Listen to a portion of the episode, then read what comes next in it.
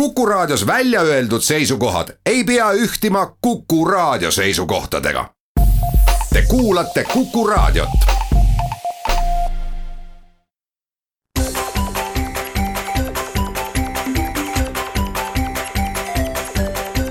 maksumaksja.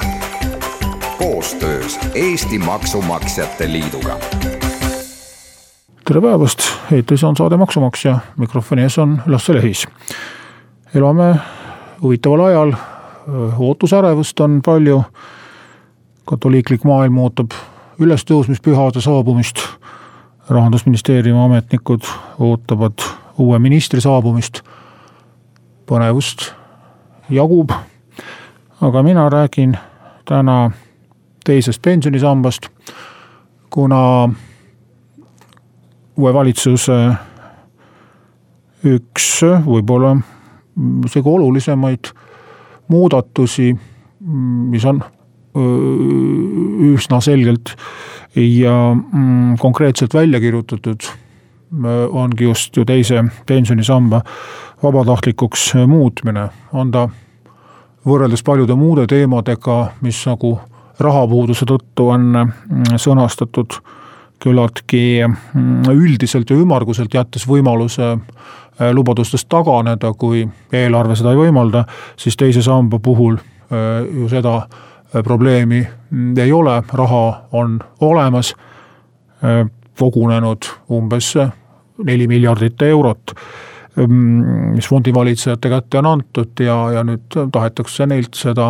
ära võtta ja inimestele laiali jagada. kuidas see siis täpsemalt on ja mida Äh, mida pakutakse ja millised oleksid võimalikud variandid siis, mida inimesed, inimesed teha võiksid, sellest, mm, sellest siis räägikski nüüd natukene lähemalt ja, ja tulumaksu teema on siin loomulikult äh, ka küllaltki äh, oluline, mis võiks inimeste valikuid natukene mõjutada kõigepealt siis, mis koalitsioonilepingus kirjas on, on siis nõnda, et need, kes on liitunud ja need, kes peavad liituma, see tähendab, et noored, nii kui nad on kaheksateist aastat vanaks saanud, siis nad automaatselt liidetakse pensionisambaga, nii nagu siiamaani, aga inimese avalduse alusel tekib siis tulevikus võimalus väljuda kogumispensionisüsteemist. ja see tulevik on esimene jaanuar kaks tuhat kakskümmend ehk juba järgmine aasta, nii on lubatud, et selleks ajaks äh, seadusemuudatused mm, võetakse vastu ja neid saab rakendada. Äh, lubatud, lubatakse siin ka seda, et et vaadata ikkagi üle ka pensionifondide toimimine, ehk siis me eeldame, et ikkagi kõik sealt jalga ei lase, et äh, siis süsteem ikkagi säilib ja jääb, jääb sinna ikkagi äh, ka märkimisväärselt raha alles. nii et, äh, et siis räägitakse ka sellest, et, et tootlus üle vaadata ja, ja valitsemistasud üle vaadata. ja mm, ka väljamaksed teha paindlikumaks nendele, kes mm, soovivad siis väljamakseid teha selle pensionisüsteemi raames nagu ma juba mainisin, siis tulumaks saab olema äh, tihti selleks motivaatoriks, mis võib võib-olla natukene pärssida soovi äh, süsteemist äh, lahkuda. ja mm, võimalused on siis lahkuda teisest pensionisambast niimoodi, et, et inimene saab oma kaks protsenti kätte ja otsustab ise, kas ta kulutab selle raha ära paneb panka hoiusele või, või ostab või maksab laenusid tagasi. aga pakutakse veel ka võimalust mm, selliseks äh, variandiks, et äh, nii kaks protsenti kui neli protsenti, mis siis sotsiaalmaksu arvelt teise sambasse kantakse, äh, kantakse inimese investeerimiskontole. see tähendab põhimõtteliselt seda, et tekib, tekib alternatiivne võimalus ise omale nii-öelda pensionifondi pidada. mis asi see investeerimiskonto on, tegemist on tulumaksuseaduse eh, erisättega, mis eh, omal ajal mõeldi selleks, et anda eh, sarnane maksuvabastus reinvesteeritud kasumitele, nagu, nagu on Eestis juriidilistel isikutel olemas. ehk siis investeerimiskonto kaudu on võimalus lükata edasi tulumaksukohustust, ehk siis kui ma olen soetanud omal mingit finantsvara, väärtpabereid eelkõige, aga noh, võivad olla ka näiteks hoiused, et kui ma müün väärtpaberi, ma teenin kasumit, et ma ei peaks maksma tulumaksu, kui ma mm, selle kasumi investeerin uutesse väärtpaberitesse. et siis investeerimiskonto kaudu peetakse arvestust, et kui palju ma raha investeerin, kui palju ma sealt äh, nii-öelda tarbimisse välja võtan ja see raha, mis välja võetakse, läheb tulumaksuga maksustamisele. ja kui ma lasen siis äh, pensionifondi asemel kaks pluss neli protsenti kanda otse investeerimiskontole, siis ma esiteks ei pea maksma tulumaksu ja teiseks äh, ma saan ka selle riigipoolse neli protsenti enda kätte. Siis veel üks, üks huvitav ähm, Mm, muudatus. äh, laiendada investeerimiskonto kasutamise võimalusi, siin käib siis jutt sellest, et tulumaksuseaduses on väga mm, täpselt piiritletud, milliseid väärtpabereid võib investeerimis kaudu, investeerimiskonto kaudu osta, see on üsna piiratud, äh, noh eelkõige siis äh, börsil kaubeldavatest väärtpaberitest käib jutt, ei saa näiteks osaühingut asutada või kinnisvara soetada. et mis need muudatused täpselt on, seda ei oska öelda, aga, aga, aga selge see, et päris sihukest OÜ-tamist ka kindlasti ei, ei, ei lubata. aga, aga veel tasuks vaadata seda punkti, inimestel, kes ei ole teise sambaga liitunud, pakutakse võimalust ka süsteemiga liituda. et see on võib-olla mõnes mõttes nagu paradoks, et me räägime sellest, et inimesed tahavad teisest sambast ära tulla. et mis, miks siis hoopis neile liitumist pakkuda, aga, aga jällegi, kui me tahame valikuvõimalusi suurendada, siis miks mitte, sellepärast et äh, praegu on ju nii, et kellel need liitumistähtajad läbi said, äh, kes liit-, liitumisest keeldusid omal ajal, siis ega nemad enam hiljem seda teha ei saa. Mm, nüüd küsimus, et äh, kellele see kasulik võiks, võiks olla, mm, siis siin peab teadma ka jällegi natukene tausta laiemalt ja, ja mina isiklikult näiteks täitsa, täitsa juba mõtlen selle peale, et, et võib-olla just liituda teise sambaga. asi ongi selles, et kui ma teise sambaga liitun, siis eh, liigub sinna teise sambasse lisaks minu palgast kinnipeetavale kahele protsendile veel neli protsenti sotsiaalmaksust, mida ma muidu enda kätte ju kuidagi ei saaks ja kui ma nüüd kasutan võimalust siis esiteks liituda, teiseks enne pensionile minekut äh, ma lahkun teisest sambast, ehk siis korjan selle raha, äh, mis sinna kogunenud on, selle äh, neli protsenti endaga kaasa näiteks investeerimiskontole ja investeerin seal edasi ja võtan siis investeerimiskontolt välja, nii nagu, nagu mina seda tahan, siis ma olen ju tegelikult kolmekordseks teinud oma panuse võrreldes sellega, kui ma ei liituks teise sambaga ja võtaks lihtsalt iga kuu oma palgast kaks protsenti ja paneksin nii-öelda hoiupõrsasse. ja teine asi, mida kõrgemapalgalised just äh, peaksid arvestama, on see, et meil käivitub ju ka esimese samba reform ja aastast kaks tuhat kakskümmend äh, hakkavad ju uued äh, nii-öelda tööaastad kogunema uue valemiga, kus siis ainult viiekümne protsendi ulatuses hakkab tulevase pensioni suurus äh, sõltuma maksud sotsiaalmaksust.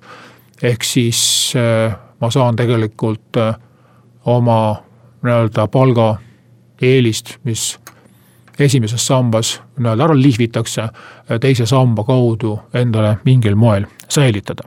aga millised on investeerimise võimalused, sellest kohe pärast väikest pausi.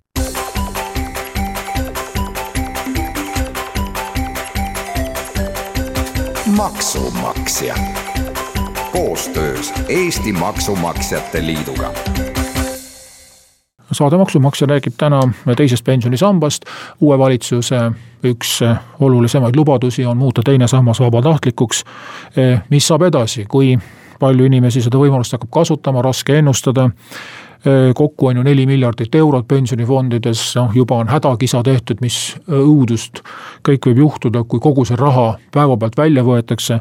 no esiteks on juba ka öeldud, et kahe aasta jooksul saab neid väljamakseid teha. et noh, siin on ka puht pragmaatiline põhjus, et fondid on ju soetanud pikaajalisi võlakirju ja kui nad peaksid nüüd sellise nii-öelda odava lõpumüügi tegema, siis ka väärtpaberite maailmas kehtib sama loogika, et kui, kui kingapood pannakse kinni, tuleb laojäägid poole hinnaga maha müüa. tekib sama olukord ja, ja võime päris suured kaotused sisse võtta. teine asi on tulumaks. nimelt kogumispensioni väljamaksed maksustatakse tulumaksuga, see reegel on, on kogu aeg olnud ja põhjus on lihtne, sissemaksed on maksuvabad. Ehk siis eh, palgast kinnipeetav teise samba sissemakse vähendab maksustatavat tulu, sellelt tulumaksu ei maksta ja tööandja poolt makstav sotsiaalmaks on samuti eh, tulumaksuvaba. Ja väljamaksed järelikult on maksustatavad, siin mitte midagi imelikku ei ole aga see tähendab, et kui võetakse raha välja suures summas ühe korraga, siis esiteks kahekümnest protsendist jääte kohe ilma, et seda raha, mida nagu kasutada või investeerida, see raha on, on viiendiku võrra väiksem, kuid eelduslikult ähm, need, kes raha välja võtavad, oletan, et on madalapalgalised, see tähendab, et neile kehtib viiesaja eurone maksuvaba tulu, aga teatavasti see maksuvaba tulu ju kukub nulli, kui inimese aastane kogusissetulek ületab kakskümmend viis tuhat kakssada eurot. see tähendab, et kui kogumispensioni raha välja võtta, siis lisaks sellele tavapärasele kahekümnele protsendile mm, mis sealt maksta tuleb, võib arvestada veel üheteistkümne protsendi täiendava tulumaksuga siis äh, seoses maksuvaba tulu ärakadumisega.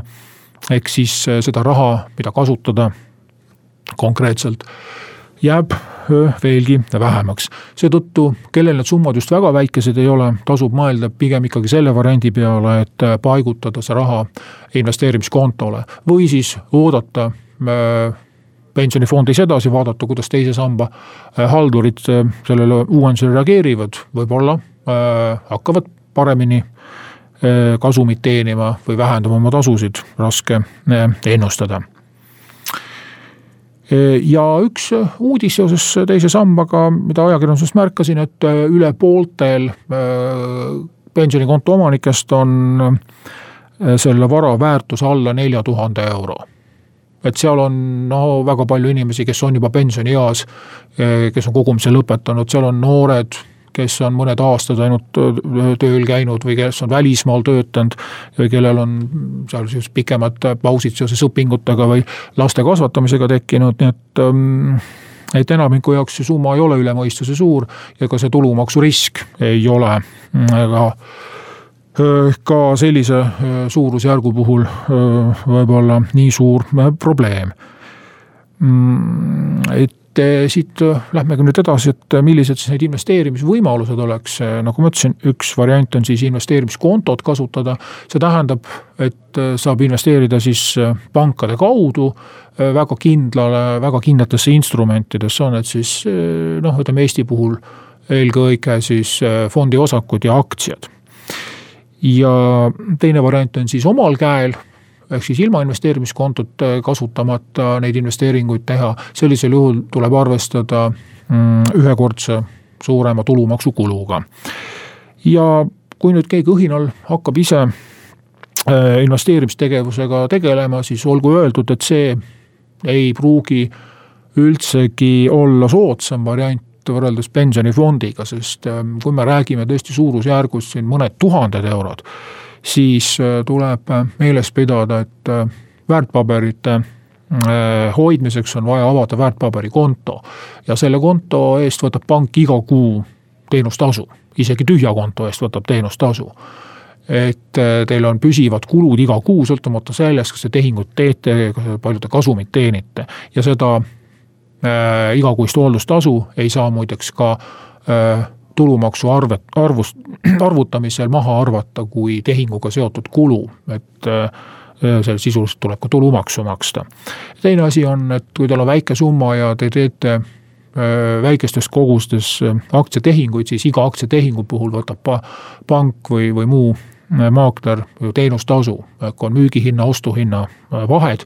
ehk siis, kui väga niimoodi uljalt väikse summaga opereerima hakata, siis aasta pärast võite avastada, et äh, kogu teenitud kasumi, kui seda üldse õnnestus teenida, on mitmekordselt ära kulutatud teenustasude peale.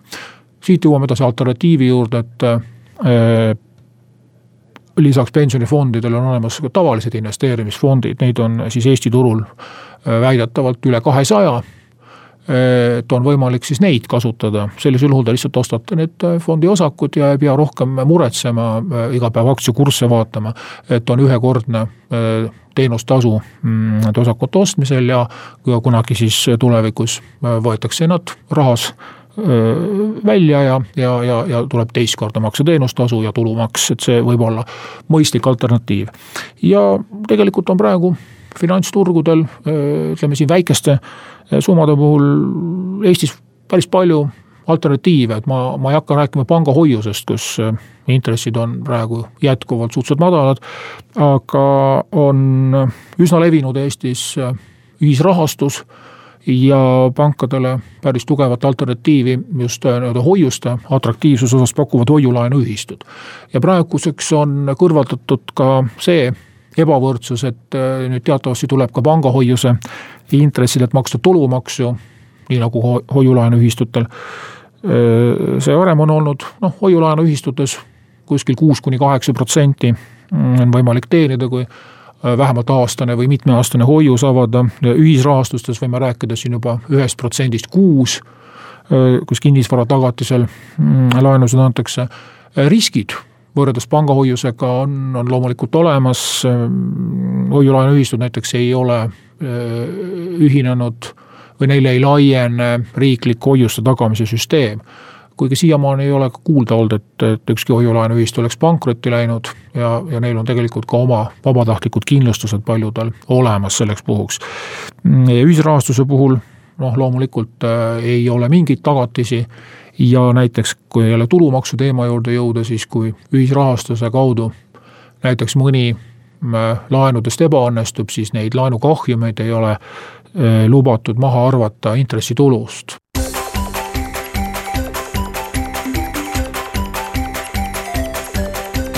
Maksumaksja. Koostöös Eesti Maksumaksjate Liiduga